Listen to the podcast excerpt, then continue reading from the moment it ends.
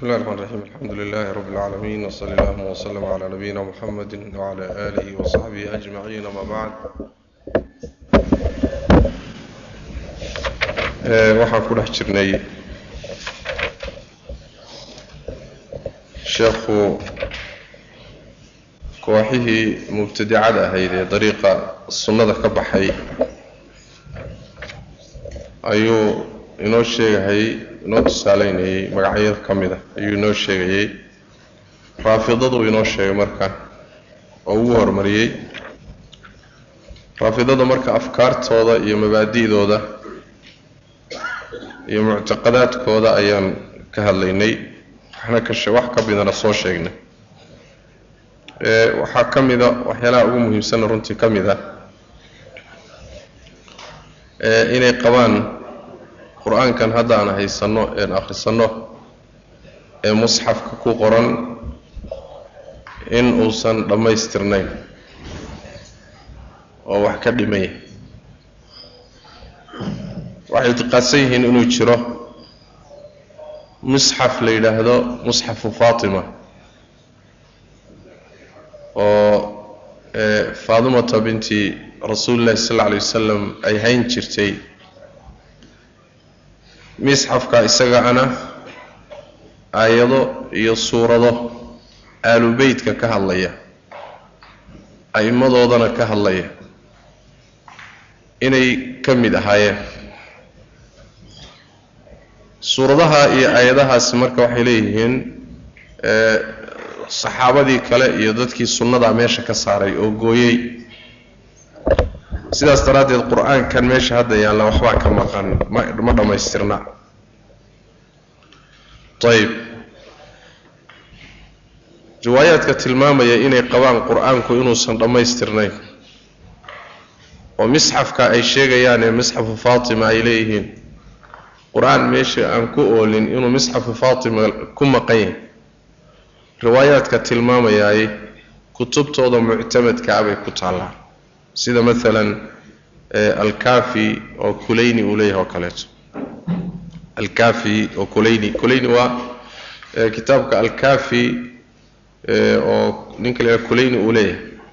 Waa saxiixulbukhaariga meeshuu innaga inoo joogo u joogaa. Haddana isagii bay sii kala saareen saxiixulkafi mid la yidhahda haddana jira. Marka nusuus noocaasa ayaa ku yaalla macnaha oo maalan waxaa ka mid a jacfar asaadiq bay sheegayaan inay hadalkan uu yidhi. Waa been abuurad laakiin iyagu say leeyihiin wuxuu yidhi bay leeyihiin wa ina cindana la musxafu faatima calayha assalaam. Waxaa agtanada yaalla faatimo misxafkeedii. Markaasaa waxaan idhi buuhi ninka warka ka warinayo abaabasiir la yidhaah. Waxaan idhi buu idhi wamaa musxafu faatima? Musxafka faatima muxuu yahay markaasuu yidhi musxafun fiihi midlu qur'aanikum hada halaaa maraat waa misxaf uu ku yaallo qur'aankanaad haysataan. Saddex goor qur'aan u dhigma. Kiina marka muxuu ahaayey mid saddex goor ka badan qur'aankaad haysataan baa ku yaalla buuri wallaahi maa fiihi xarfun waaxidu min qur'aanikum buuri hal xaraf oo qur'aankan aada haysataan ka midana kumaba yaallo buuri waa qur'aan kale waa misxaf kale waay. Marka fikirkaas ah inuu jiro qur'aan aalubeytka khaas ku ah oo loo qariyey oo ummadda kale aynan la wadaagin intii cali bn abi aalib uu noolaa buu fikirkaasi soo baxay. Fikirkaasna waxaa abuuray cabdullaahi ibnu saba ninkii yahuudiga ee fikirka shiiciga abuuray ayaa fikirkaa abuuray oo ahlubeytku inay hayaan qur'aan aan ummaddu la qabin. Xadiidka saxiixulbukhaari iyo ku yaallay waa kii la weydiiyey. Muxuu ahay cali bn abi aalibin radi allahu tacala canhu ma jiraa wax nebigu idinku khasisay baa lagu yidhi. Markaasuu yidhi maya wax khaas nagu ah. Allahuma waraaqdan waxa ku qoran saxiifadan waxa ku qoran. Iyo fahm khaas oo ilaahay intuu ruux siiyo oo qur'aanka ka siiya mooye. Laakiin wax gooni nago oo nebigu nagu khaas yeelay ma jirin. Marka fikirkaasi shiicada kutubtoodana waa ku sajilan yahay kutubtooda muctamadka ah. Yacni kutub khaasana wayba ka qoreen oo mustaqbal u qur'aanku inuu kala dhiman yahay. Wahaakada usuushooday ka mid tahay macnaha. Waxaa ka mid a maalan oo yacni afkaartooda ka mid a sida qur'aanka aynaan isugu waafaqsanayn baynaan isku xadiidna u ahayn. Waa masderka labaad sooma isku xadiidna mani ayagu axaadiista ay axaadiis ahaan u ictimaadaan. Waa wixii kutubtooda ku qoran oo a'immadoodaas ay tirsadaan. Laga wariyo oo iyaga kutubtooda lagu wariyo iyo xadiis ahaan u ictimaadaan. Saxiixulbukhaari iyo saxiixu muslim iyo sunanka iyo masaaniidda iyo macaajimta iyo kutubtan xadiidka iyo masaadirta inoo ah ayaga masaadir uma ah. Saas way macana leanna leesh leanna waxay rumaysan yihiin saxaabada axaadiistan laga warinayahay markuu nebigu dhintay badankood inayba gaaloobeen oo diinta ka baxeen. Wax yar mooye dhowr nin mooye inay diinta ka baxeen. Saas daraaddeed baanaan isku xadiidna ahayn. Masterka xadiidkana waa ku kaliidsaneen masterkii qur'aankana islama waafaqsanin. Wixii faraha badnaa ee kale soo tirinay marka laga tago waa laba asalo waaweyn. Labadii asale nolosha waa loo celin lahaa wey macana ayib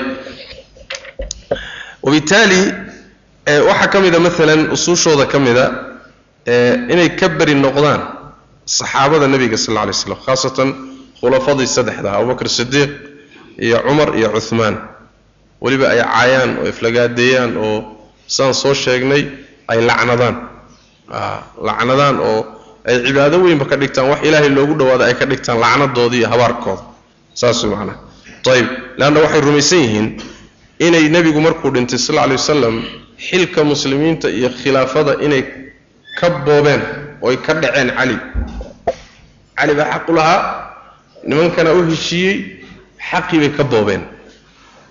Saas daraaddeed bay meeshaas ku gaaloobeen bay leeyihiin marka abubakar iyo cumar bay ka bilaabayaan ummahaatulmin caaisha iyo xafse iyo waa kaan soo sheegnay macnaha allahuma alcan sanamay qurayshin wa jibtayhima wa taaquutayhima wabnatayhima waa alfaadda ay ku wardiyaan wey macnaha alfaadda ay ku wardiyaan. Ilaahu labadii sanam ee quraysh lacnad labadoodii labadii daaquut labadoodii gabdhood caashiya xabsay ku wada. Wahaakada macnaha ayib saxaabada mucdamkooda marka way ka beri noqonayaan. Oo mabaadidooda waxaa ka mid a mabda lbaraa mabda lbaraa waxa weeye waa inaad ka beri noqoto abubakar iyo cumar. Saxaabadii waa inaad ka beri noqoto. Aalubeytka waxaan ahayn oo iyagu markaa intay ogol yihiin waxaan ahayn waa inaad ka beri noqoto. Shiic shiici maba noqonayso. Raafidii itnaa cashari maba noqonayso ilaa aad ka beri noqoto. Ilaa aad tidhahdo beri baan ka ahay balaayo allah ku rido way kharibnaayeen ilaa aad halkaa marto waxba lagaa yeeli maayo. Saas ayib marka afkaartoodu aad bay u fara badan tahay oo wax sahlan ma aha waxaan hadda koobi karno ma aha nimankaasi marka raafidadu waa nimanka sidaasa wey su'aasha la isweydiinaya waxay tahay ma muslimiin baa mise waa gaalo? Nimanku ma gaala mise waa muslimiin? Intooda wax garanaysa inay gaalo yihiin oo diinta ka baxeen oo ay murtadiin yihiin ama qaarkood xataa islaamnimoba ayna ku dhalanin. Shaki kuma jiro intooda wax garanaysa. Waxaa laga doodsan yahay caamadooda. Caamadoon waxba garanaynina oo sidan diin loogu sheegaye sidan soo gaadhaye sidan iskala judbaysan waxbana ayna u kala caddayn waxba garanaynin ma muslim baa mise waa gaalo baa muranku ku jira. Amaa culimmadooda iyo intooda wax garanaysaa iyaga warkooda meel iska dhig. Leanna intaa wax ka yar baa lagu gaaloobaa. Soo ma? Intaa wax ka yar qodobadaasi ay ku kaceen wax ka yar baa ruuxu diinta kaga baxaa. Bal waxaa la dhihi karaa kufriyaadka ay kulmiyeen oo isu keeneen.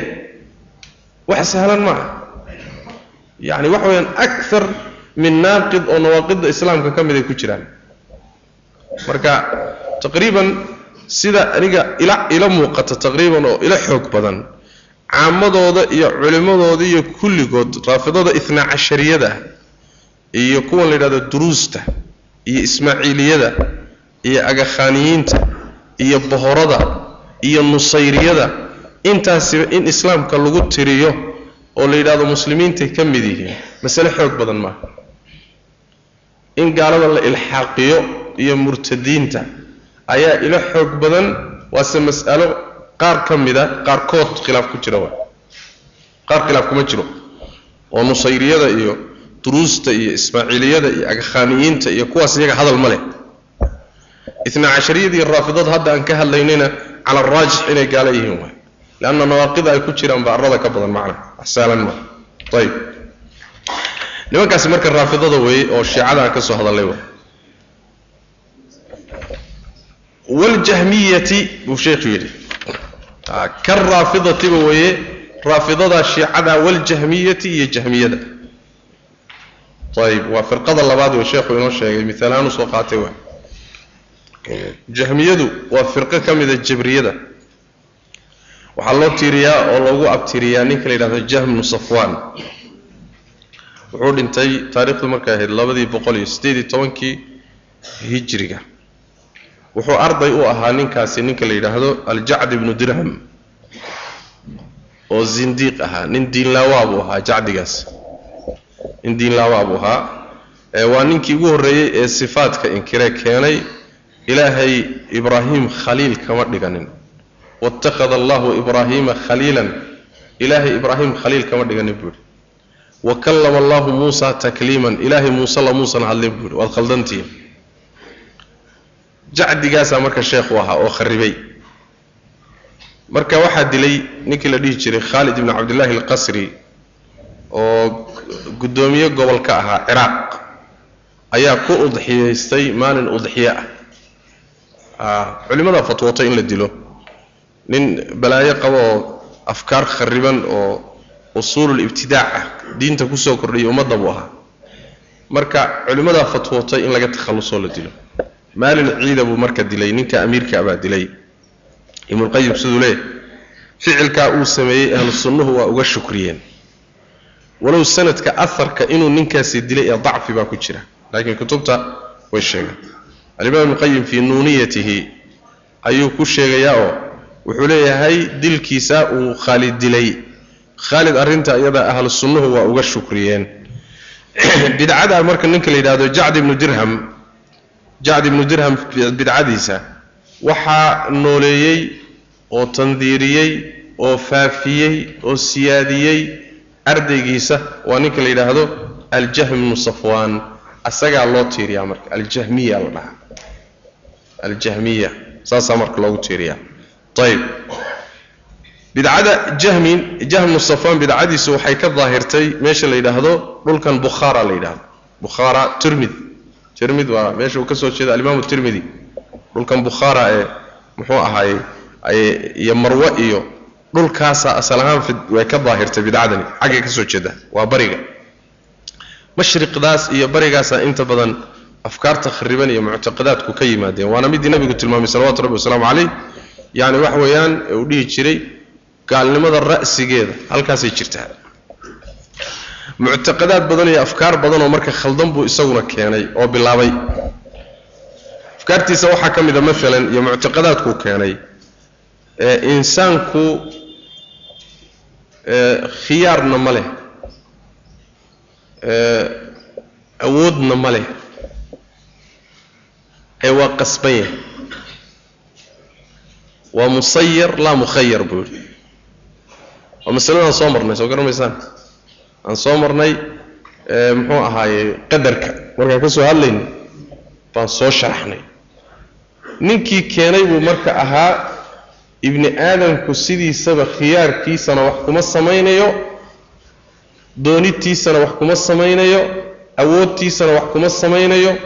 Waa qasban yahay in qas wax uu ku qasban yahay loo cadaabana waa dulmi. Fikirkaa ninkii keenay buu ahaa. Waxaa kaloo uu keenay fikirka dhahaya qur'aanku waa makhluuq. Iyadana waan soo marnay sooma qur'aanku waa makhluuq jahmi baa keenay ayib isagaa faafiyo keenay. Waxaa kaloo uu inkiray wuxuu yidhi ma jira wax la yidhahda siraad siraadka jahannamo korkeeda maraya la mari doono wuu inkiray. Wuxuu inkiray miisaan ma jira buuhi wax miisaan oo aakhare laysa saarayo oo laysku xisaabinayo ma jira buui wuxuu inkiray in allah tabaaraka wa tacaala aakhare lagu arki doono oo mu'miniintu ay alla arki doonaan ayadana wuu inkiray wuu diiday. Wax aakharo ilahay la arkayo ma jiro buuri lamana arki karo. Wuxuu inkiray sidoo kale cadaabulqabriga qabriga. Wax cadaaboo ka jira male buuri ruuxii la cadaabayo uun aakharo markii la soo nooleeyo mooye laakiin qabriga cadaabkiisu ma jiro waa inkiray. Wuxuu la yimid oo uu yidhi iimaanku waa uun macrifo. Iimaan waxaa la yidhahdaa inaad ilaahay garato gaalnimona waa inaad ilaahay garan weydo. Waan soo marnay soo masaa'il iimaan markaan ka soo hadlaynay waan soo sheegnay. Yacni wax weeyaan haddaabaad ilaahay jiritaankiisii inuu ilaahay yahay garato mu'min baad tahay. A gaalna yaa la yidhaahdaa ruuxa in ilaahay garanayo ama adigu rumaysnow ama raac ama u hoggaansan ama isdiidsiyo inkir marba haddaad garato inuu ilaaha yahay mu'min baad. Tahay haddaadse garan weydo ilaahaagiibu aad aqoonsan weydo markaasaad gaal tahay. Marka waxay dhahdeen alkufru huwa aljahlu waaliimaanu huwa almacrifa saas daraaddeed ibliis iyo muxuu ahaaye fircoon iyo wax alla wixii kharibnaa oo dhan mu'miniin bay noqonayaan agtooda. Leesh ibliis oo ilaahay ma aqoonin.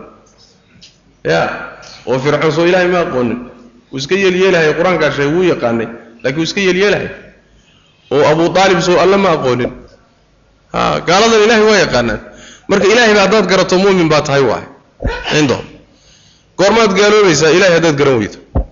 War saas ma garashada keliya meehe garashadu waa inay raacsan tahay ogolaansho iyo qirid iyo hoggaansan soo maa markaasuu iimaanku imaanaya ayaga waxaaso dhan uma yaallo marka. Ayib waxaa ka mid a maalan afkaarta uu keenay wuxuu yidhi jannada iyo naartu way dhammaanayaan. Iyadana waan soo marnay soo garan maysaan a ninkii keenay waay. Jannada markii la galo oo muddo lagu jiro iyadii waxa ku jiraba way isla dhammaan doonaan ma ma waari doonto. Naartana markii la galo oo muddo lagu jiro ayaduna way dhammaan doontaa inta ku jirtana way dhammaan doontaa. Wax waarahaya maaha. Fikirkaasee ninkii keenay way macana khuluudka iyo waaritaanka qur'aanku uu sheegayna wuxuu yidhi waa muddo dheer unbaa lagu jirayaabaa laga wadaa. Ee waarid weligeeda ma jirto. Afkaartiisay ka mid tahay.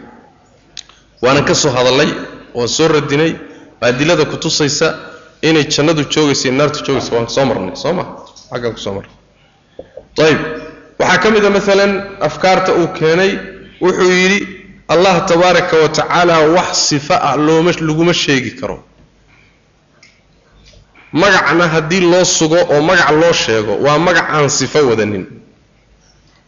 Sifaadka ninkii inkiray waayo oo yidhi maqalka inkiray alle cilmigiisa inkiray nolosha inkiray muxuu ahaayey cilmiga inkiray naxariista inkiray cadhada inkiray wax sifa oo ilaahay loo sheegi kara ma jiro yidhi.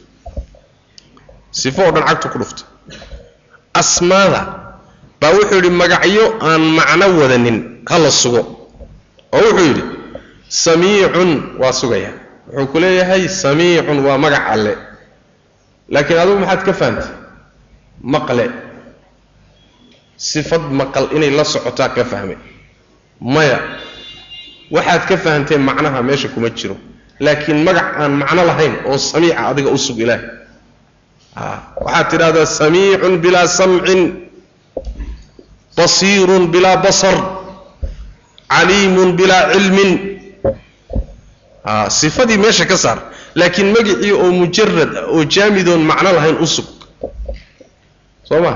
Ilan asmaada sideedaba lala baxo ama shay loo bixiyo waa laba. Midna waa magac sifo wata. Midna waa magac jaamidoo wax macno iyo sifo u faa'iideynaya ma jiro. Magacyihii ilahay marka waxay ka dhigeen yacni asmaa jaamidoon sifaba wadaninba asmaa noocaasay sugeen. Sifaadkana kulli waa inkireen waxaasi ninkaasaa keenay. Calayhi min allahi maa yastaxiq nin khariban buu marka ahayo waxyaalaha faraha badan oo dhan ayuu muxuu ahaayey ayuu muxuu ahaayey yuu ku soo kordhiyey ummadda. Waxaasaa marka laga qaatay. Qaar baa xaq muuqday oo sii tandiiriyey oo wax u sii raadiyey oo sii faahfaahiyey oo sii fidiyey oo kooxaha sii qaatay oo wahaakada saasay afkaar saas ku faaftay inteeda badan laakiin isaga asalo. Nin dood badan oo muran badanna waa ahaa iskana aqoon yaroon aqoon badnayn. Waxaa la yidhahdaa wuxuu la dooday niman la yidhaahdo niman ilaahay jiritaankiisaba aan ogolayn oo ka doodsa ilaahay ma jiro qolo taagan. Buu muran la galay iyo dood. Qoladii baa marka wareeriyey. Ilaahay jiritaankiisii markuu kala dooday intay shubahaad ku fureen bay maskaxdiisii waxay geliyeen ilaahay ma jiro. Shaki baa galay marka. A shaki baa galay. War ilaahay jiritaankiisa amaama shaki ku jiraaba? Waxaan qadaata waad ku wareersantahay maba jiraba malaha.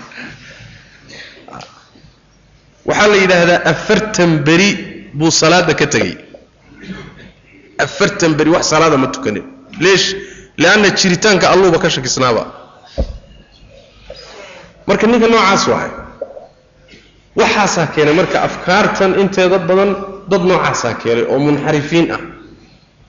Ayaguna meel kaley ka keeneenoo jacd ibnu dirham iyo balaaye iyo meel muxuu ahaaye culimo nimanahoo yuhuudoy meelahaas adiga afkaartan laga soo istiraadiyey oo laga keenay macnaha. Saas weeyaan. Marka isaga laftiisa waxaa dilay baa la yidhahdaa nin la yidhaahdo salam ibn axwas oo isagana amiir ahaa ayaa dilay oo markii la kari waayo waxaan kaata laga kari waayey ayuu soo qabto marka qoorta wacasayaa la yidhahda ayib maxaa yeelay qaacidaa jirto a'immada muslimiintu culimmadu waxay u fatwoon jireen ruuxa daaciga ah oo bidcadiisa dadka ugu yeedhayay afkaarta khariban. In wixii ka joog la yidhahda hadduu ka joogi waayo fasaadkiina ummadda uu ka dayn waayo in markaa la dilo bidcadiisu hadday gaalnimo gaadhsiisan tahayna waxaa loo dilayaa kufran lilkufri baa loo dilay riddaa loo dilay.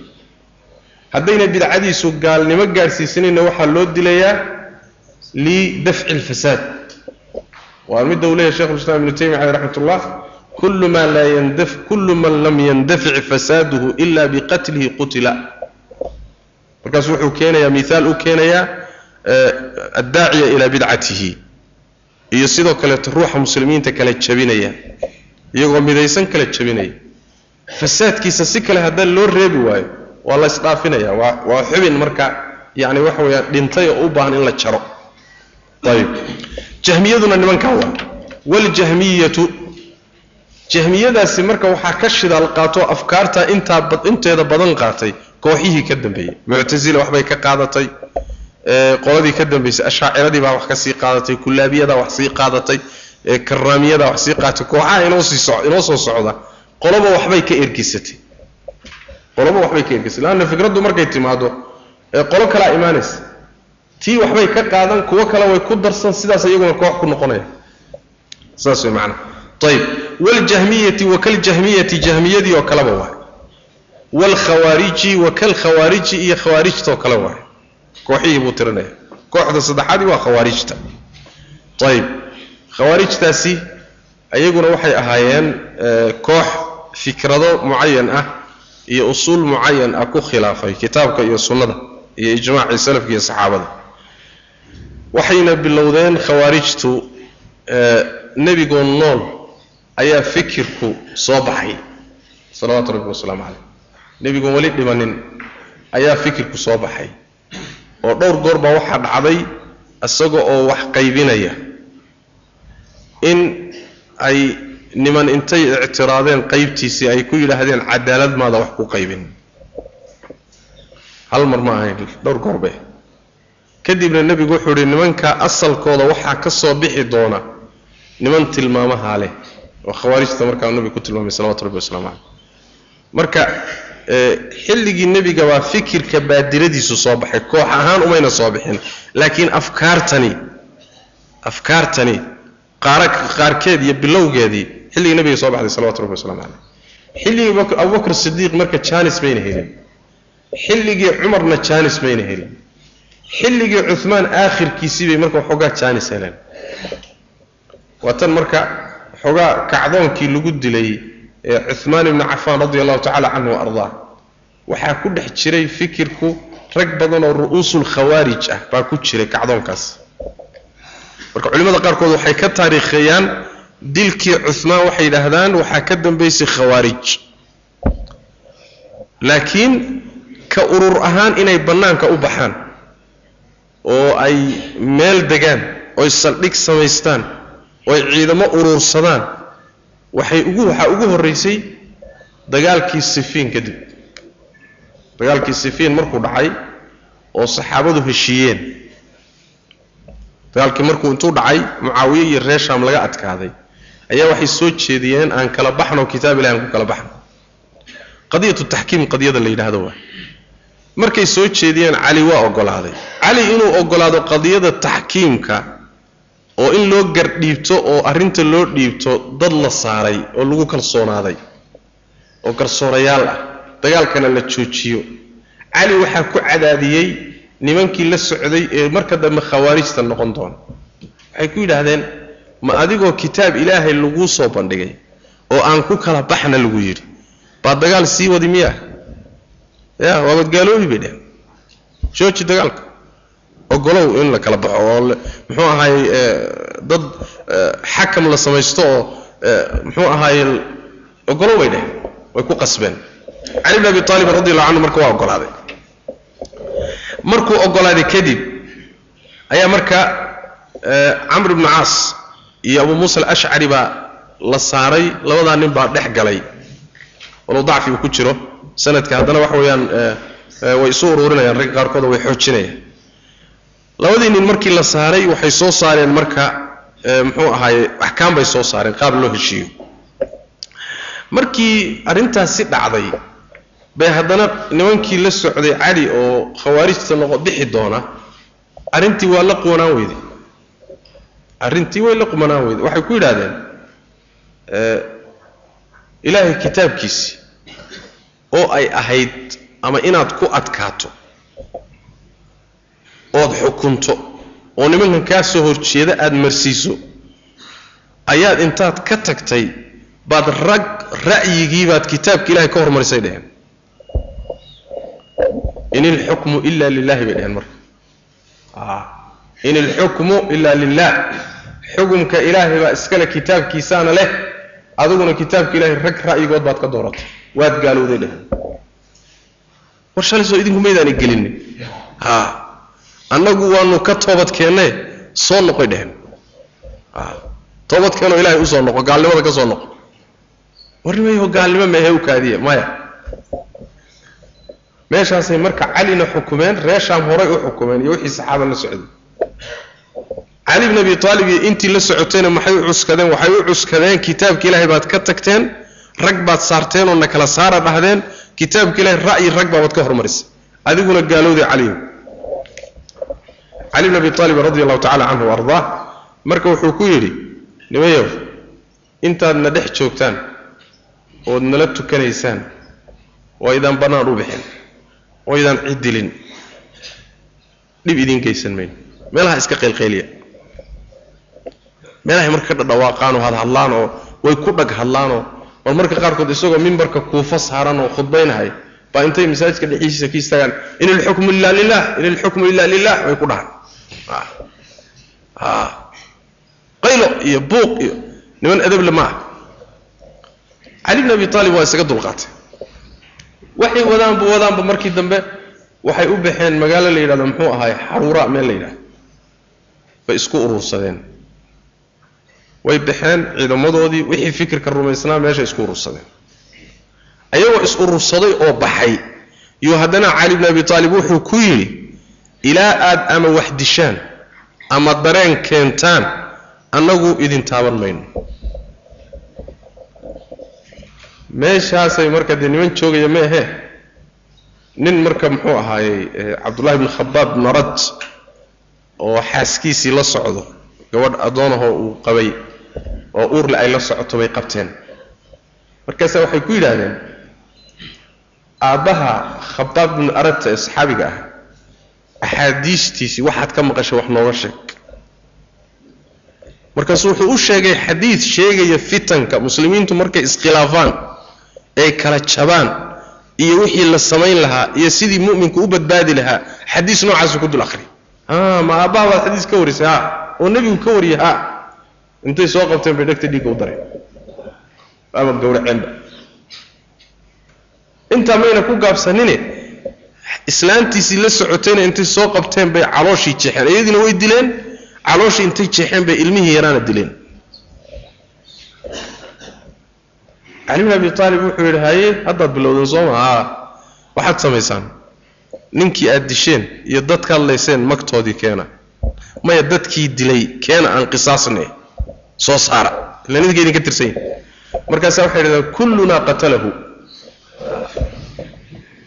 waa niman macagayiid ah kulligana waa wada dilay bay dheheen ha dhowrkanagaa kune meesha ku jirna kulligana wada dilay yaad qisaasi bay ku dheheen war ma ahee rag baa gacanta sameeye soo saara raggii dilay maya kullunaa qatalahu cali bin abi aalib radi allahu tacala canhu ardah markaasuu dagaal ku qaaday marka. Weliba intuusan dagaal ku qaadin wuxuu u diray cabdulaahi ibni cabbaas buu u diray. Cabdulaahi baa u degoo marka u tegayoo dood la galay.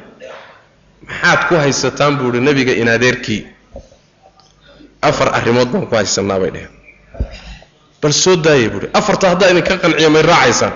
Haa soo daaye afartiibuu mid mid u soo daayeen afartiiba adiluu saaro waa uga jawaabay.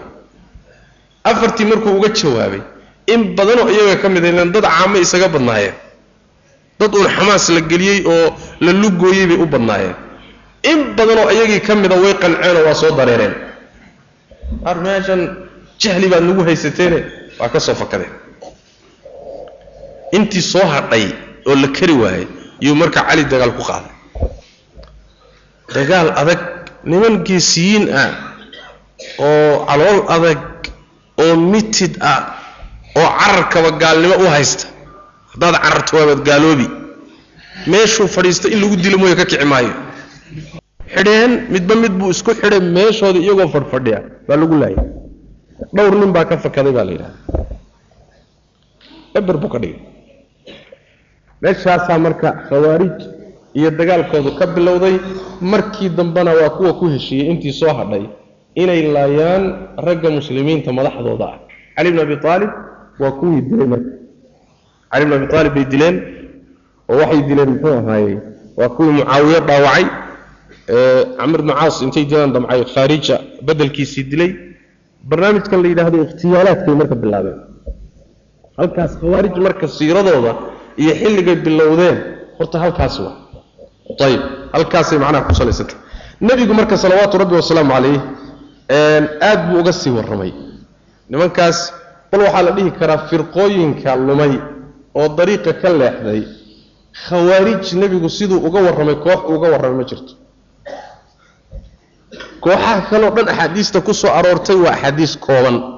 Laakiin khawaarij axaadiista ku soo aroortay waa axaadiis mutawaatir ah waay saxaabada laga wariyay iyo nebigu siduu uga digay salawatu rabbi waslamu caleyh aad buu nebigu salawaatu rabbi wasalaamu caleyh ayuu arrinkooda ummadda uga digay. Oo muxuu ahaayey sifaadku ku sheegay sifaadkoodana waa tilmaamay nebigu salawatu rabbi waslamu caleyh wuxuu ku sheegay inay cibaado badan yihiin oo salaad badan yihiin oo qur'aan akhris badan yihiin laakiin inayna diinta fahmin oo fahamka diinta iyo fiqigu inuusan dhuunta u dhaafin. Ayib ayuu nebigu ku sheegay sal lay slm wuxuu ku sheegay in muxuu ahaayey ay muslimiinta laayaan. Gaaladana aynan danayninba. Gaalada ma dhibaan. Xoolaha muslimka way qaadan laakiin xoolaha gaalada waa iska ilaaliyaan. Oo waxay leeyihiin waa mucaahad ballan bay ku jiraan waa dimmi waa dadkii layna yidhi iska ilaaliya qur'aankaa yidhi ilaaliya. Muslimka laakiin dhiiggiisa waa banaysanayaan ninkaas saxaabigaan idiin sheegay markay dilahayaan waxay soo mareen doofaar uu nin gaalihi leeyahay oo dimi ah. Mid baa damcay marka doofaarkii inuu muxuu ahay wax yeelo. Waxaa lagu yidhi haddaad isugu dhawaato doofaarkaas qoortaa lagu casaynaya. War doofaar waana doofaar gaal baana iska leh. Soo dimi maaha baa layidhi gaal dimi oon ballan kula jirno sooma sidaad xoolihiisa u taabanaysa. Marka muslimkii iyo xoolihiisiina waa u bannaanya gaalna agtiisa mari maayaan qori ka jabin maayaan nebigu waa ku tilmaamay salawatu rabbi waslamu caleyh fiqi daradaasuu ku sheegay. Wuxuu ku sheegay rasuulku salawaatu rabbi wasalaamu caleyh hadduu soo gaadho wakhtigay dhixi doonaan inuu la dagaalami doono. Cid lala dagaalantana inay iyagu ugu fiican yihiin wax lala dagaalamo dhulka korkiisa. Ayuu nebigu tilmaamay salawatu rabbi waslamu caleyh weliba inuu baabi'in lahaa hadduu soo gaari lahaa xilligay bixi doonaan sidii caad iyo ilaahay u baabi'iyey oo kaleeto. Waxaa kaloo nebigu sheegay sal lay waslam inay yihiin kilaabu ahli naar. Naarta dadka gelaya inay eydoodi yihiin. Ilahay halkaasuu nabigu gaarsiiyey salawatu rabbi waslamu caleyh inay diinta ka dhex baxayaan kuna ayna soo noqonayn. Inay kitaab ilaahay baan dad ugu yeeraynaa magac ka dhiganayaan kitaabkuna beri ka yahay aad buu uga hadlay nebigu salawaatu rabbi wasalaamu caleyh si aan caadi ahayn ayuu rasuulku uga hadlay salawaatu rabbi waslamu caleyh marka muctaqadaadna waa leeyihiin sifaadna waa leeyihiin sifaadna waa leeyihiin muctaqadaadna waa leeyihiin sifaadkooda waxaa ka mid a maalan waxa la yidhaahdo alcujbu walicjaab alra'y iscajabin. Iscajabinta iyo ruuxu ra'yigiisu inuu cajabiyo. Dadka intooda kalena uu ra'yigooda iyo maskaxdooda iyo camalkooda uu la noqdo waxaan macno weyn lahayn isaguna uu kiisu la bunbuunsanaado waxa weeyaan waa sifa min sifaati alkhawaarij axaadiis badan baana kutusaysa oo nebiga ka sugan salawatu rabbi waslamu caleyh xataa wax kale iska dhaaf inay nebiga ka saxsan yihiin bay isu arki jireen iyo saxaabadiis. Bal saxaabadu kaadi xataa nebiga inay ka saxsan yihiin. Markuu nebigu qaybiyey qaybta nin kale cadaalad maada samaynina waad eexataye cadaalad samee soo uma arko nebigi inuu khaldamay. Bal nebiga nin baa ku soo baxay salawaatu rabbi wasalaamu caleyh markuu ku soo baxay isagii saxaabadiisa la jooga wuxuu ku yidhi ugu dhaariyay nebigu sal alay slam markaad nagu soo baxday. Ma istidhi inaad naga fiican tahay. Haa buu yidhi. Inaan idinka fiicna waan idinka dhaac badna waan idinka qayr badna waan rumeeyey bu waan rumaysnahay waa khawaarijta usuub bilowgoodii waay. Marka cujbiga iyo ismahadinta ruuxu inuu ismahadiyo maskaxdiisa iyo camalkiisa iyo juhdigiisa intuu ismahadiyo dadka kalena yeeso. Waa min sifaati alkhawaarij sifo lagu yaqaano waay. Sifaadkooda waxaa ka mid a muxuu ahaaye isticjaalka iyo safaha fi ra'yi. Talaxumi iyo caqli yari iyo ra'yi yari iyo degdeg iyo kafiirsi la'aan waa sifaadka khawaarijta ka midta axaadiista nebiga ayadana tilmaamay salawatu rabbi waslamu caleyh waxaa ka mid a sifaadkooda altanatuc waalghuluwu fi lmri adayg iyo arrin walba in la adkeeyo. Muxuu ahaayey lagu xadgudbo yusrigii iyo fudaydkii shareecada meesha laga saaro tanatuca iyo quluwigaasina sifaadkoodu ka mid a sifaadkooda waxaa ka mid a qilat lfiqhi fi ddiin aqoon yari faham ma jiro. Waa cibaado badan yihi salaad iyo soon iyo qur'aan akhris iyo yani khushuuc iyo ku gaari maysa. Xataa saxaabadii nabigu ku yidhi nebigu ku yidhi kuma gaari kartaan. Laakiin musiibadu xaggee kaga dhacday fahamkii diintay eber ka yidhi. Halkaa uma dhaafsiisna diintuna waa fahan soo maa fiqhi iyo fahan iyo istinbaat iyo ma jiro. Fiqhi la'aantaasi waxay ka mid tahay waxyaalaha nebigu uu ku sheegay salawatu rabbi waslamu caleyh waxaa ka mid a maalan suu'u danni bilghayr. Dadka intooda kale in laga malaysto uun mala xun.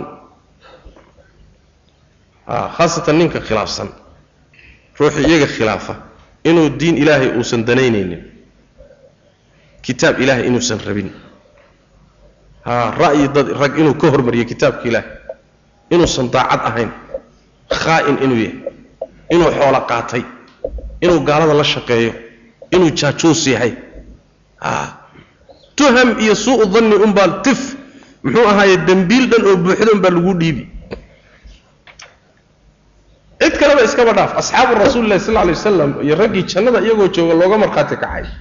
Saabiqiintii baa waxay leeyihiin muxuu ahaayey muxuu ahaye diinta daacad uma tihiin hoose wax naga yahay ra'yigii ra'yigii baa diintii ka hormariseen war maya u kaadiya maya maya maya waxba meesha kuma haysaan wahaakada malaxumada iyo danniga xunna ayadana sifaadkooday ka mid tahay. Xadiista ayadana tilmaamaysa. Waxaa ka mid a maalan dadka khilaafsan ee ra'yi ahaan ku khilaafsan in lagu adadkaado bal in la laayo oo dhiiggooda la bannaysto loo dila keliya maxaad ii khilaafaysaa? War inaan kaa saxsanaa dhici karta. Inaan kaa saxsanaa suroobi karta bal horta wax dhegayso maya. Maba ikhlaafi kartidba waxna igama sheegi kartid ima radin kartid haddii kale qoortaan kuu casaynaya waa min sifaati alkhawaarij mukhaalifka in lagu adkaado ilaa dhiiggiisa la bannaysto saas waa iyadana sifaadkooday ka mid tahay. Sifaadkoodu marka waa fara badan yihiin amaa muctaqadaadkooda iyo afkaartooda rasmiga usuushooda marka la yidhaahdo. Waxaa ka mid ah waxay qabaan waxa la yidhaahdo takfiir murtakibi alkabiira fi dunya. Ruuxa dembiga weyn galay een gaalnimo gaadhsiisnayn inuu gaal yahay somaynaa soo masalada iyada ayib aakharana waxay ku xukumaan inuu naarta ku waaraya adduunkana waa gaal bay leeyihiin macna. Arrintaa iyada iskumay waafaqsanaa murtakibulkabiira inuu kaafir yahay iskumay waafaqsanee kooxa iyaga ka mida waxay qabaan murtakibulkabiira waa muslim. Sida najadaadka nimanka leelado kaleeto. Annajadaad waa koox iyaga ka mida. Oo waxay leeyihiin murtakibulkabiira kaafir maaha ayib laakiin mucdamka firaqda khawaarijtu asalkaas way qabaan. Waana miday dadka dhiiggooda de ku bannaystaan oo ku laayeen waay macna. Oy saxaabada dhiiggooda ku bannaysteen. Dembi weyn buu ruuxu galay waa gaaloobay. Maxaa ku xiga? Dhiiggiisu waa bannaayey hala dilo. Ayib waxaa ka mid a muxuu ahaaye alistikfaaf biddam dhiiggoo la fududaysto. Ila shareecadu dhiigga waa waa adkaysay soo ma? A dhiigga waa adkaysay ama dhiig muslimo macsuuma ha noqdo ama dhiig ha noqdo kaafir ahoo dhimmi ah oo cahdi lagula jiro ama musta'man ha noqdo. Dhiigga la banneeyey mooyaane inta aan la bannaynin agtooda waa fudud yahay. Inay galaanna waxba kuma ah. Meeshay shareecadu aad u adkaysay istikfaaf biddam marka waxay ka mid tahay min usuuli alkhawaarij buu ka mid yahay. Ayib nabigana xadiis baa kaga sugan salawatu rabbi wasalaamu caleyh waxaa ka mid ah usuushooda shafaacadoy inkiraan aakhare shafaaca ma jirto. Ahlusunnuna shafaacadii shuruudda lahayd bay dhigaan soo ma? Waa cagsiga qolyahan oo dariiqooyinka. Dariiqooyinkuna waxay sugaan shafaaco shuruuddii shareecadu u dhigtay aan la ilaalinayn. Ayaguna shafaaco oo dhan bayba inkireen. Ahlu sunnuhuna shafaacadii bay sugeen bishuruutiha sharciya saas macnaha ayib qur'aankana waxay way fasiraan oo waxay ku fasiraan ra'yigooda iyo sidii iyaga la quman uma kuma noqdaan tafsiirkii saxaabada iyo salafka iyo kuma noqdaan. Laakiin sidii iyagu ay rabaan oo markaa la quman bay u wataan. Daahirkaas sidaa uun bay yani u fasirtaan. Waa sida hadda maalan qolyahan muxuu ahay la yidhahdo jamaacada takfiirka takfiir walhijra qolyahan la yidhaahdo. Yacni wax weeyaan qur'aankii markii ay la fasirayo in saxaabo laga soo naqliyo oo taabiciin laga soo naqliyo oo muxuu ahaayey a'immadii tafsiirka loo noqdo maya waxay ku leeyihiin wadaadkanagaa yidhi amiirkooda baa kitaab yar yar u qoro. Amiirka kitaabtuu qoriyo siduu wax u fasiro unbaa tafsiir ah. Marka meel kaloo loo laabanayo ma jiro. Waa min usuuli lkhawaarij wa ayagaa wax kala dhagaysta macna sidaas weyaan ayib waxaa ka mid ah afkaartooda qabrigoy inkiraan khaasatan ibaadiyada nimanka la yidhahdo alibaadiya khawaarijtii firaqda ahayd kooxo far badan bay ahaayeen laakiin kooxda hadhay ee kuwii hore hadda magac ahaan baaqi ka ah waa nimanka ibaadiyada la yidhahdo alibaadiya ibaadiyadu waxay joogaan oo hadda ay haystaan meesha la cumaan. Cumaan soo garanaysaan? Dowladdan oo dowladaha khaliijka ka mid ah cumaan la yidhahdo nimanka haysta waa ibaadiyo waay waa firqa min firaqi alkhawaarij waay laakiin waxoogaa firqo oo intooda kale xagga mucaamalada iyo ad adayga way kaga fududaayeen taasaana keentay bay leeyihiin inay baaqi ahaadaan oo jiraan. Intii kale markay dadkao dhan isku taageen oo annagoon baa jirayna dheheen hadde annagaa jirayna miyaa soconaysa? Annagaa jirayna wixii kalena ma jirayo lagaa yeeli maayo cagtaa la mariyey. Ayagu laakiin waxoogaa nooc musaalama iyo inay dadka la noolaadaan iyo waxbay ogolaayeen. Marka ibaadiyadaasi firqooyinkii hore qadiimkaa bay baaqi ka tahay. Afkaartooda maqrib alcarabina way ka jiraan. Maqrib alcarabina waa ka jirtaa ibaadiyadu macnaha waxaa ka mid a maalan waxay inkireen siraadka iyo miisaanka iyo ilaahay araggiisa aakhara iyo way inkireen. Muctaqadaadka khawaarijta waxaa ka mid ah abubakr sidiiq iyo cumar khilaafadoodii way ogol yihiin. Khilaafadii cumaan ibnu cafaan qaybteedii horena waa ogol yihiin. Gadaal dambe qaybtiisii dambuu gaaloobay bay leeyihiin cali bn abi aalibna waxay leeyihiin ilaa dagaalkii sifiin laga gaadho wuu qumanaabay dhahaan. Laakiin dagaalkii sifiin markii inta laga baxay uu ogolaaday qadiyadii taxkiimka ayuu isaguna gaaloobay bay leeyihiin haye halkaasay marka dabagaleen. Abuu muusa alashcari iyo camr ibnu caas oo nimankii muxuu ahaayey qadiyadii garsoorka galayna ayaguna gaaloobay. Kitaab ilahay bay ra'yi ka hormariyeen. Mucaawiyatan abi sufyaan warkiisa iska badaa halkaasay ka dabagaleen. Marka in badanoo saxaabada ka midana waa gaalaysiiyeen diintay ka saareen.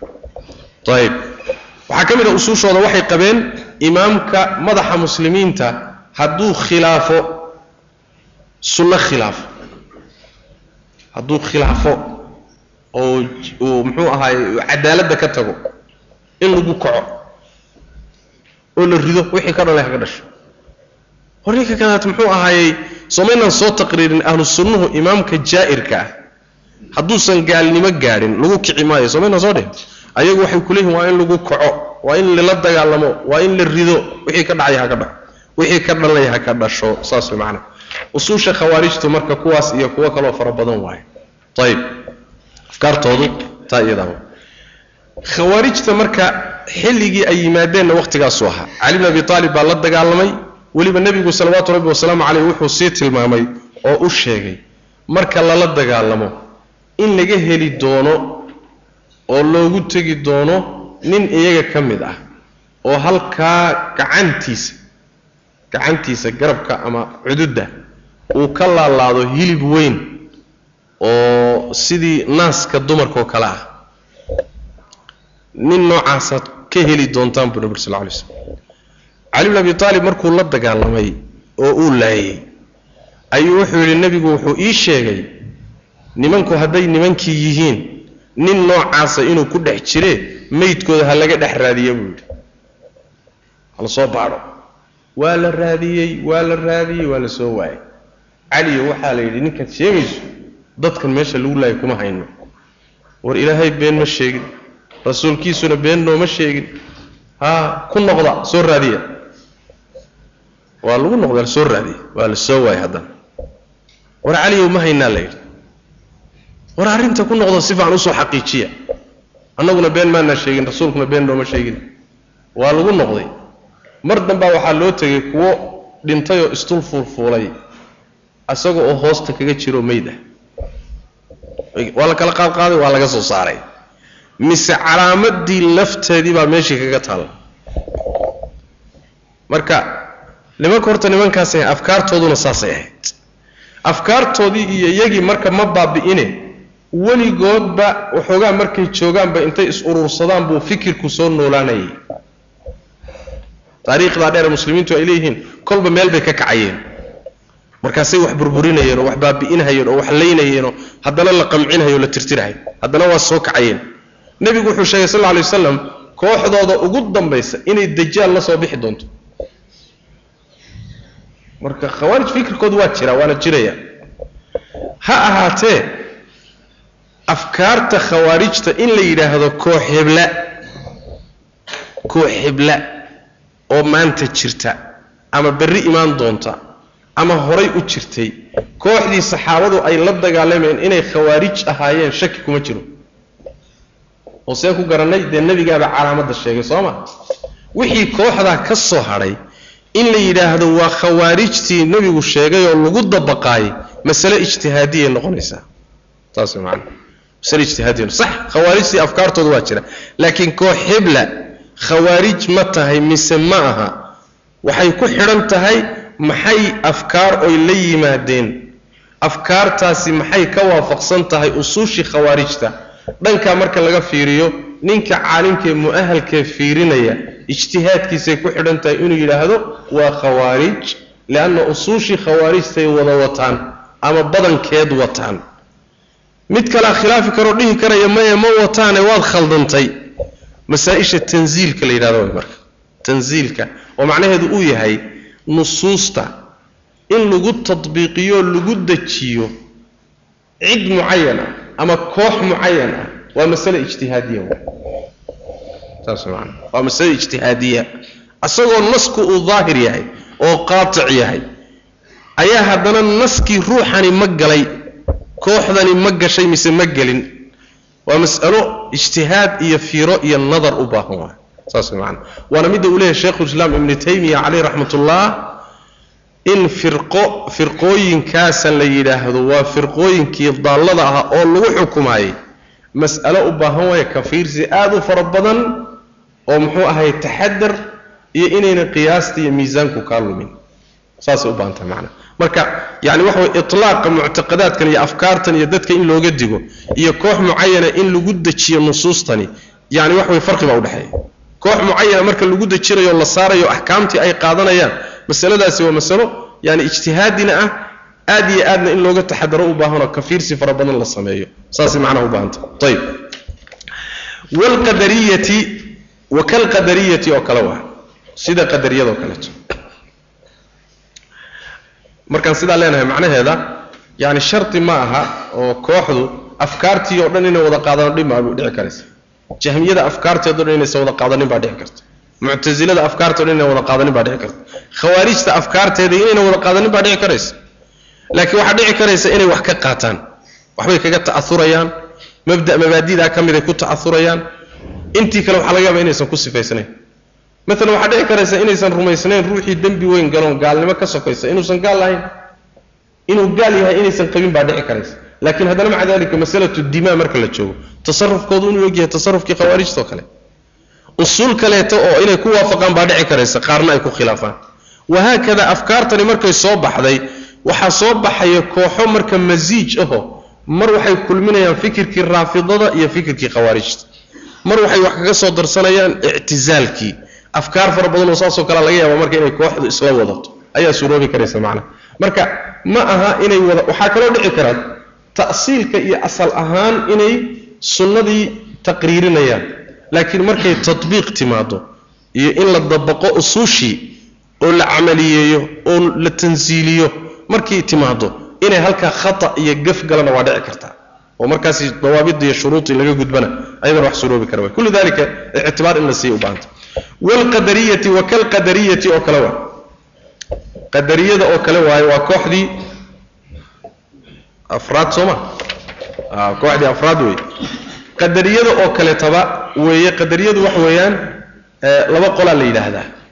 Qadariyada waxaa la yidhaahdaa waa qolyaha ku khaldamay mas'alatu alqada waalqadar mas'alatu alqada waalqadar qada waalqadar waan soo marnay soo ma?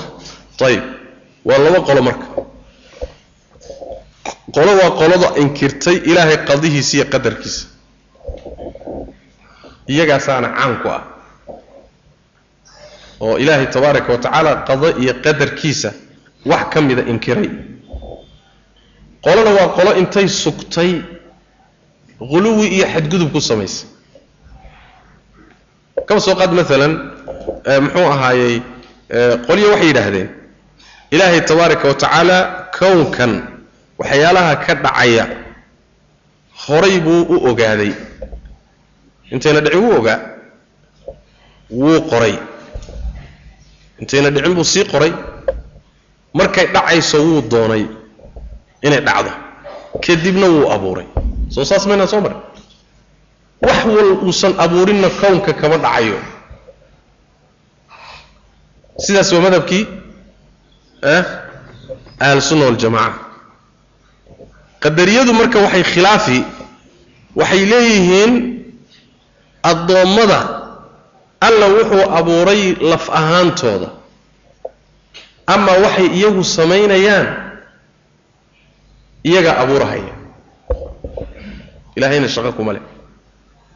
Soo maynaa soo marin a ha wixii addoonka wuxuu samaynayo isagaa abuurahaya isagaa doonaya isagaa khiyaarkiisa ku samaynaya allana tabaaraka wa tacaala shaqo kuma leh awoodna kuma leh muxuu ahaaye addoonkaa la madax bannaan. Qoladaasi waa nimanka qadariyada la yidhaahdo waana nimanka la yidhaahdo majuusu hadihi lumma. Somaynaa soo soo sharxin. Majuusu hadihi lumma qolo kaleoo qadariyada loo yaqaanaa jira waa kuwee? Waa nimanka jabriyada la yidhahdo oo cagsigooda ah. Soo ma? Oo iyagana waxaa la yidhaahdaa ghullaat fii ihbaati alqadar waay. Qadarka sugiddiisa ayay qoladanna xadgudub ku sameeyeen oo waxay yidhaahdeen ilaahay addoommadiisa iyo waxay samaynayaanba isaga abuuray. Laakiin intaa mayna ku ekeene waxay yidhaahdeen addoonkuna doonidna male khiyaarna male waa qasban yah a waa sidii ul gacanta lagu hayoo kale. Sida baalkaasi muxuu ahaa meesha ka laalaadee dabayshu kolba dhinac u dhufanayso kale waayo addoonku khiyaarna male doonidna male iraadana male waxbana meesha kama aha waa la iska wataa a kuwaasi waxaa la yidhahdaa marka? Jabriya la yidhahdaa. Waana qadariyada nooc ka mida cagsi bay isu yihiin. Labadaba qadariya la yidhahda maxaa qadariya labada loogu magacaabay? Liannahum akhta'uu fi lqadar qolona halow fi lihbaat qolada labaadna halow fi lnafyi qolona nafyigii qadarka iyo masalatu lkhalqi bay quluwi ku sameeyeen qolona sugiddii qadarkay quluwi ku sameeyeen ilaa ay addoonkiiba ka qaadeen waxa la yidhahdo khiyaarkiiyo iraadada ka qaadeen labadaasba qadariya la isku yidhahda marka. Labada fikirna wuxuu ka jeedaa ninkii la dhihi jiray macbad uljuhani waxaa ka qaatay ninkii la dhihi jiray khaylaan addimishqi muxuu ahaayey khaylaan addimishqi muctazili iyo wasil ibnu cataa iyo camr ibnu cubayd iyo raggii muctazilada ahaa ayaa fikirkan kadaata iskale macna. Ayib alimaam alawsaaci caleyh raxmat ullah imaamu ahli shaam wuxuu leeyahy awalu man nataqa bilqadar rajulu min ahli alciraaq yuqaalu lahu sawsan qadarka ruuxii ugu horreeyey ka hadla ee hadalba ka keenaba waxa wuxuu ahaa nin reer ciraaq oo sawsan la yidhaha nasraani buuna ahaa buuhi wuu islaamay. Uma tanasara kadibna nasraaninimadii dib ugu noqday. Faakhada canhu macbad ljuhani macbad ljuhani baa ka qaatay marka fikirka. Wa akhada khaylaan can macbad. Khaylaan addimishqi ninka la yidhaahdo baa macbadna ka qaatay. Fikirkan qadariyada marka aad waxaa yani u hirgeliyey nimanka la yidhaahdo muctasilada muctasilada ayaa hirgeliyey oo raggaasaa macnaha wax weeyaan fikirka iska laha ayib labadoodu marka way kala gedisnaayeen afkaartooda iyo shubahaadkooda iyo afkaartooda marka la fiiriyo afkaar badan bay leeyihiin. Adiga shubhadoodu waxay ahayd. Shubhada ku bixisayba waxay ahayd inay sidan yeelaan. Ilaahay tabaaraka wa tacaala waxay is yidhahdeen sharka ka nasaha sharka ka nasaha macaasida inuu abuurayna ka fogeeya markaasaa waxay ku dhaceen inay qadarkii anfiyaan. War ilaahay shar ma abuurin macsiyana ma abuurin. Ilaahay nasahay isleeyi oo xumaanta ka fogeeya. Markaasay arrintii waxay kula dhacday inay qadarkiisii diidaan. Saxaabadu ridwaanullaahi calayhim iyagoo nool qaar ka mid a ayaa fikirka qadariyadu soo baxay. Fii saxiixi muslim buu ku yaallaa. Soo garan maysaan muxuu ahay xadiidkii cabdullahi bni cumar? Aabihii uu ka warinay cumar bn khataab saas way macnaha cabdullaahi bni cumar nin basre ka yimid baa u yimid fikirkana soo baxay bay dhaheen niman leh yacni waxa weeyaan anlaa qadara wa ana alamra unfun qadarna ma jiro arrimuhuna waa cusub yihiin. Wax kasta markaa u dhacayo ilaahay ka warhelayaa cilmi horena ma jiro ogaansho hore. Niman noocaale baa basre ka soo baxay. Markaasuu ibnu cumar yidhi u sheegay inaan beri ka ahay. Ilaa ay qadarka rumeeyaanna inuusan ilahay waxba ka aqbalin haba yaraatee cabdullahi bni cumar iyo cabdullahi bni cabaas iyo anas ibn malik iyo jaabir bni cabdillaah iyo saxaabadaas intay noolaayeen bay afkaartani soo baxday wayna radiyeen. Ayib niman kalaa marka uga dambeeyey oo khaylaan dimishqi iyo macbad iyo raggii afkaarta aasaasay. Waasil ibnu cataa iyo camr ibnu cubayd iyo qolyahaasaa uga dambeeyey iyaguna fikirka sii faafiyey. Firqada iyadaa marka la yidhaahdo qadariyada waa firqada lagu yani ay culimmadu yidhaahdaan nabiga odhahdiisii uu yidhi sal alay waslam xadiidkii cabdullahi bni cumar alqadariyatu majuusu hadihi اlumma fain mariduu falaa tacuuduuhum wain maatuu falaa tashhaduuhum xadiidkaas oo culimmada qaarkood ay taxsiiniyaan ayaa nimankaa ka hadlaya qadariyadu waa ummadayda majuusteedii waay. Hadday jiradaan ha booqanina hadday dhintaanna ha xaadirina. Maxaa majuus loo yidhi? Majuus waxaa loo yidhi majuusta waa niman hanawiye la yidhaahdo waa oo waxay qabeen waa gaalad hore gaalo horey ahay waxay qabeen kownkan laba ilaah buu leeyahay ilaahu nuur wa huwa khaaliqu اlkhayr wa ilaahu اظulma wa huwa khaaliqu shar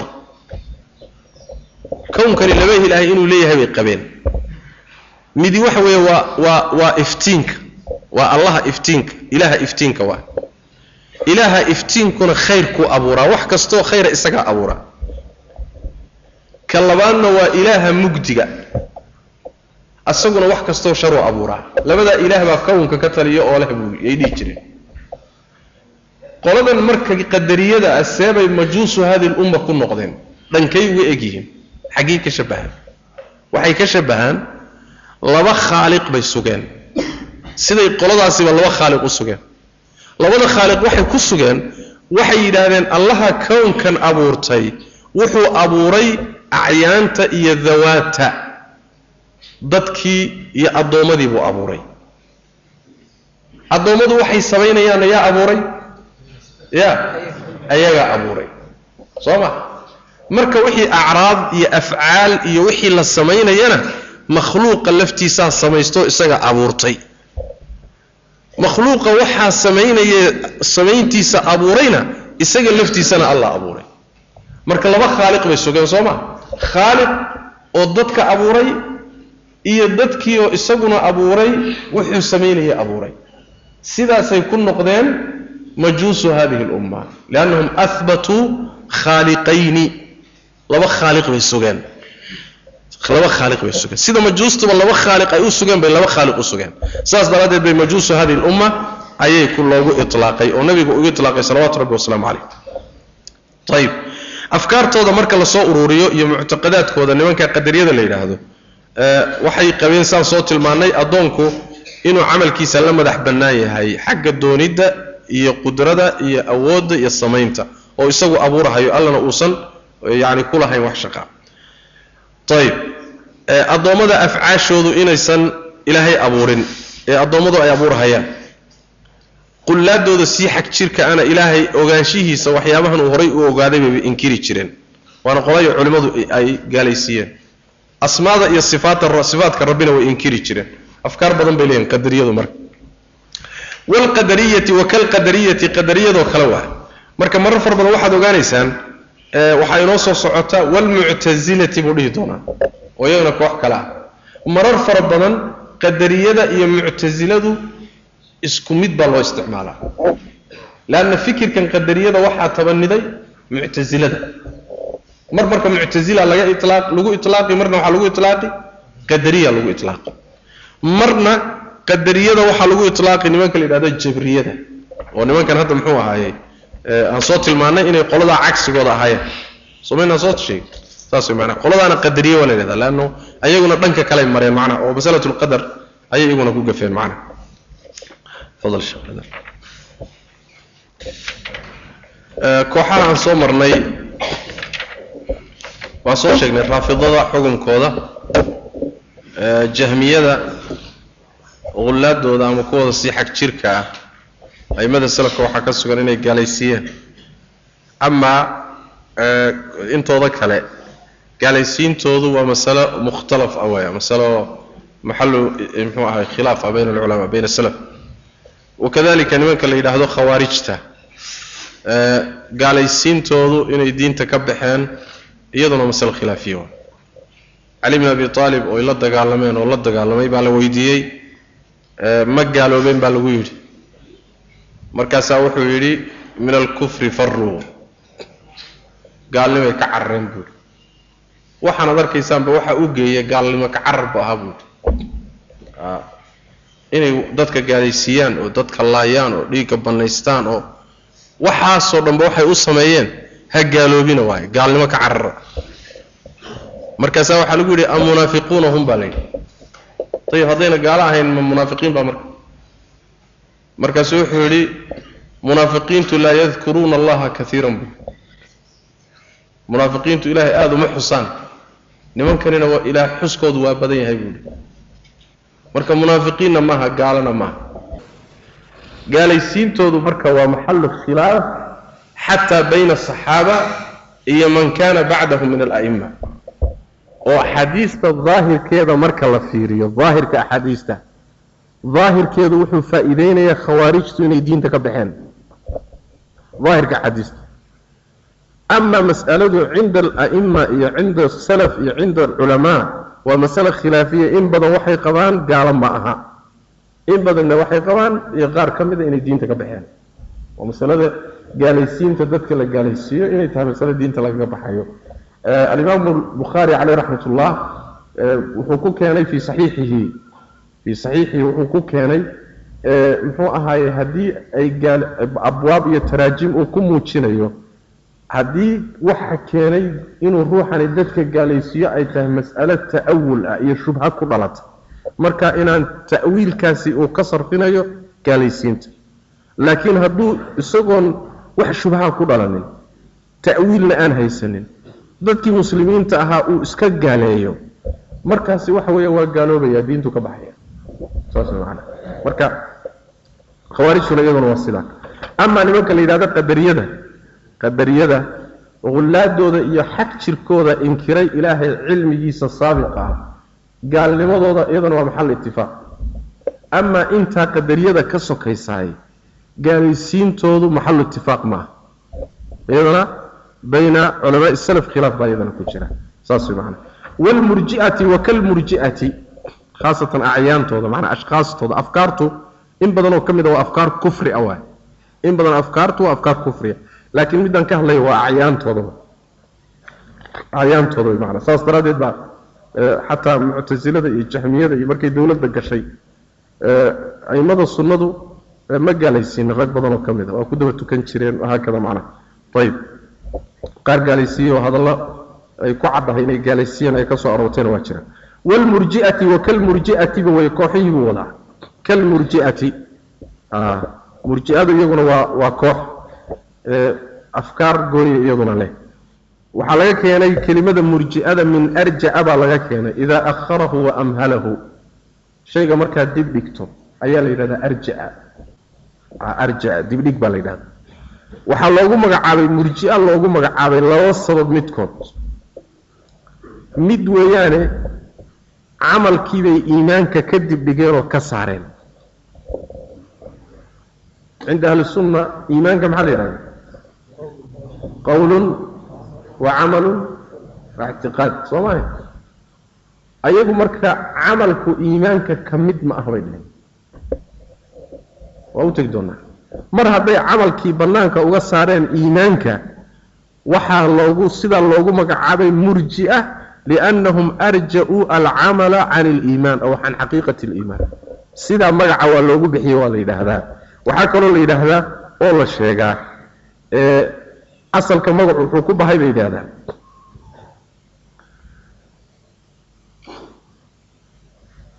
raggii iskhilaafsanaa cuhmaan markii la dilay kadib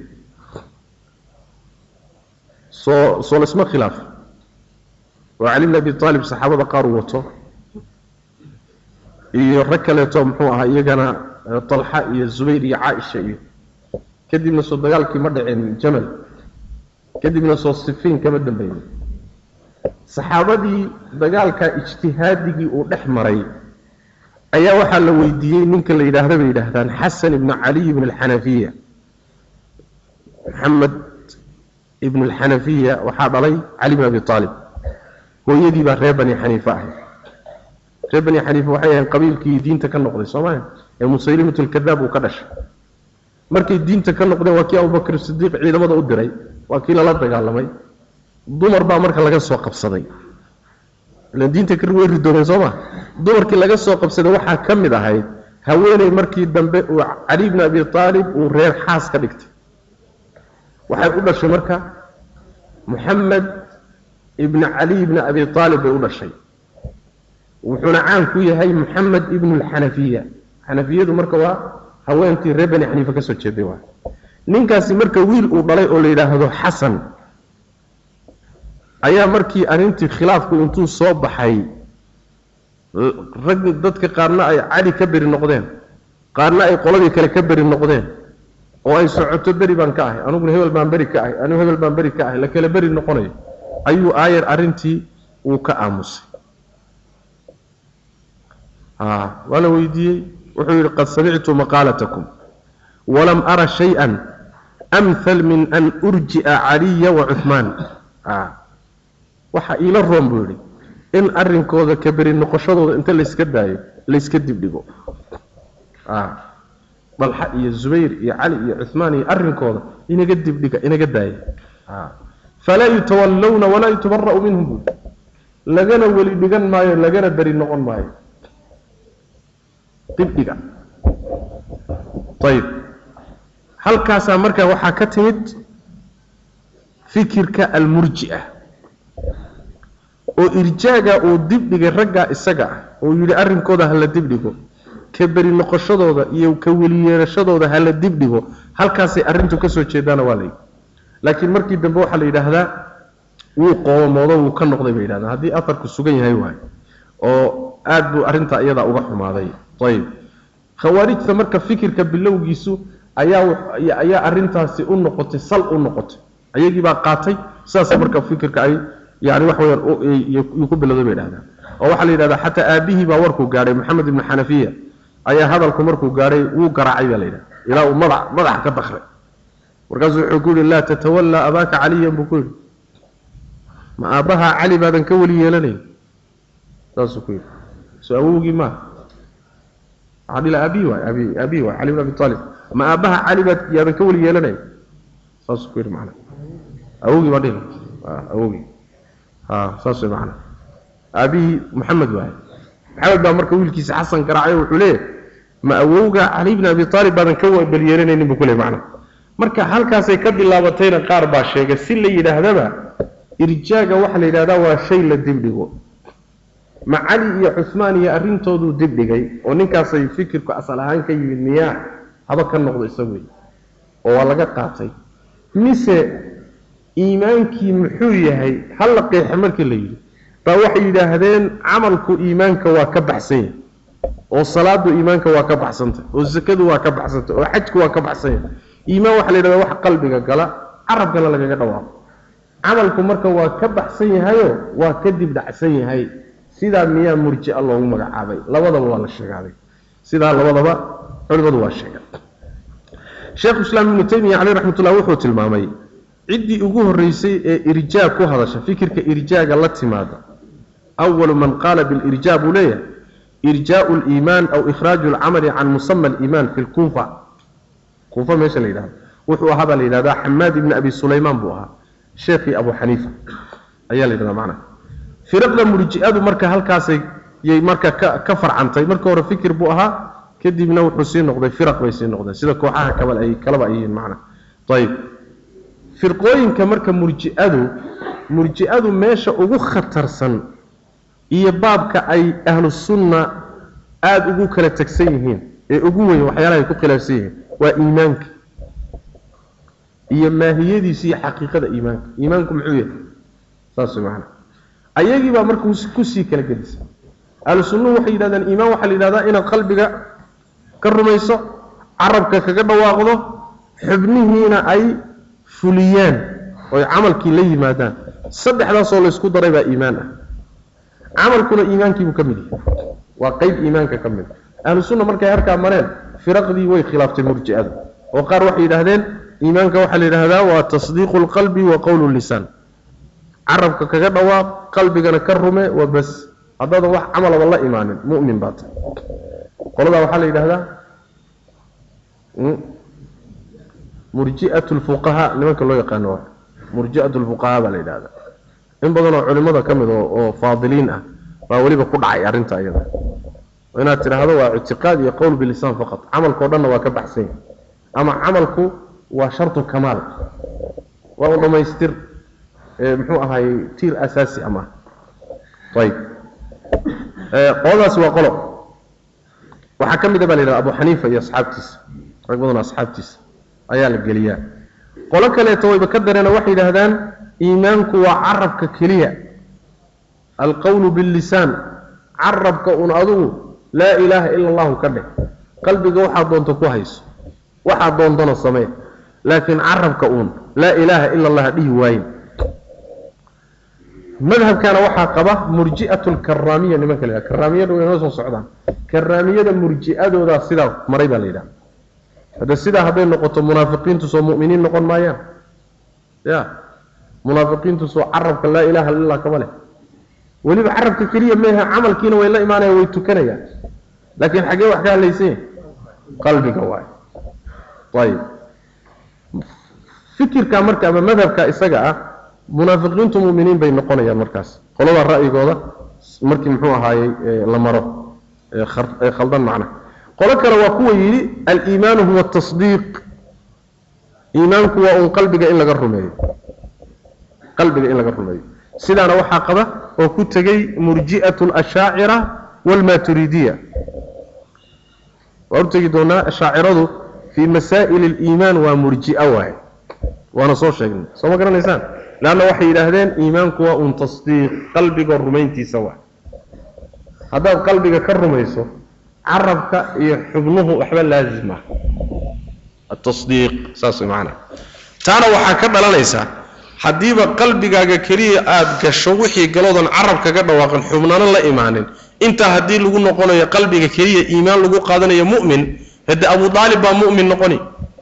Soo ma gaalo cadcad baa iimaan mu'miniin noqonaysa oo qaar yahuudda ka mid ah mu'miniin noqonaya saas macnaa ayadana wax weeyaan waa madhab khaldan. Qaar kaleeta iyaguna sii sii fogeeyey arrinta oo kaba sii darayo waxay yidhaahdeen aliimaanu huwa almacrifa. Waa murji'ada. Iimaanku waa un garasho. Gaalnimaduna waa jahli. Waa kaan soo sheegnay hadda soo ma garanaysaan? Haddaad ilaahayba garanayso rusushana garanayso kutubtiina garanayso oo wixiiba aad ka warhaysaba mu'min baa tahay. Gaal ayaa la yidhaahdaa waa ruuxii waxa aan kaba warhayninba maba maba yaqaanaba. Adugu aqood ayib qoladaasaa marka ugu sii daran. Waana qowlkii aan hadda soo sheegnay inuu qabo ninka la yidhaahdo jahmu safwaan fikru jahmiya wa waa nooc ka mida macnaha murji'ada ka wey murji'atu ljahmiya qoladaa la yidhahdo marka. Murji'atu ljahmiya waa sharu anwaaci alirjaa irjaaga noocyadiisa nooca ugu shar badan waa waxaa la yidhahdaa waa murji'atu ama irjaa'u ljahmiya waa.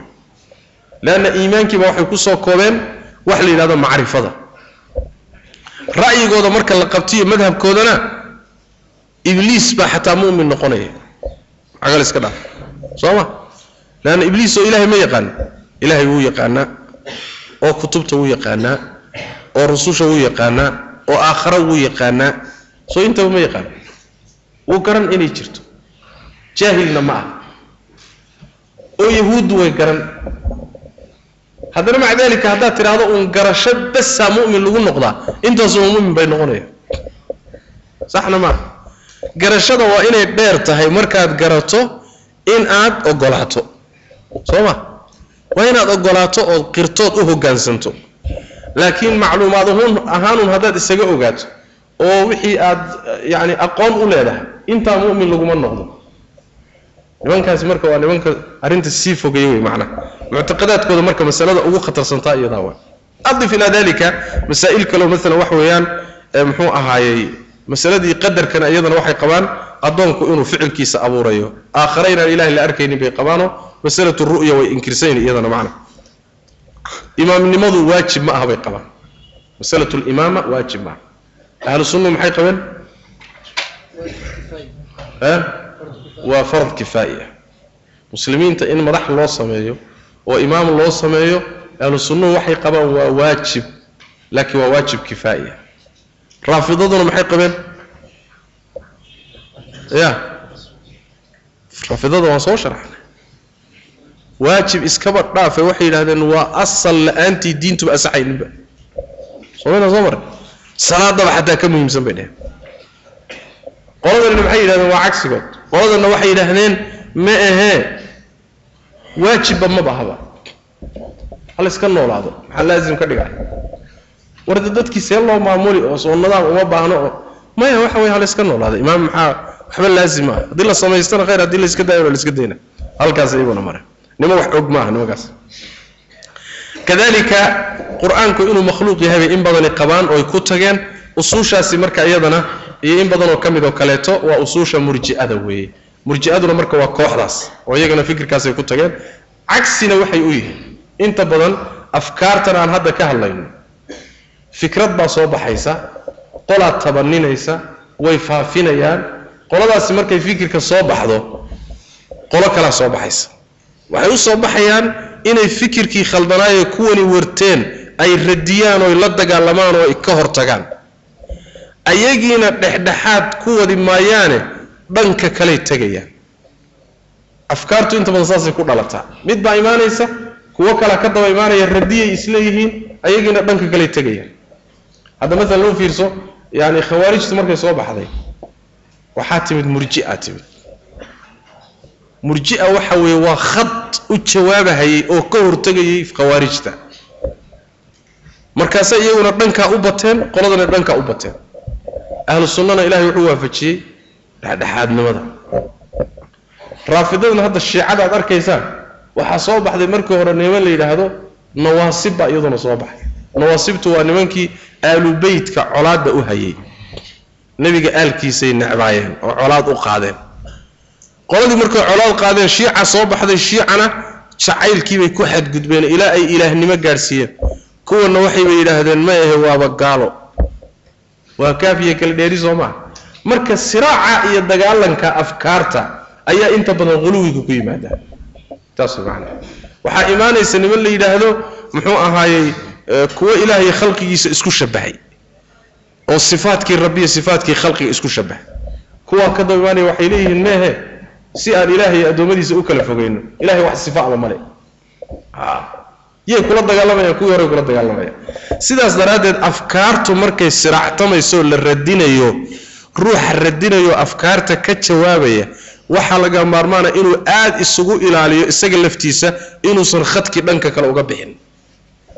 Saas way macana aad bay u fara badan tahay in ninkii waxoogaa diinta inuu ku aad adagyaha la arkana in la yidhahdo waa khawaarij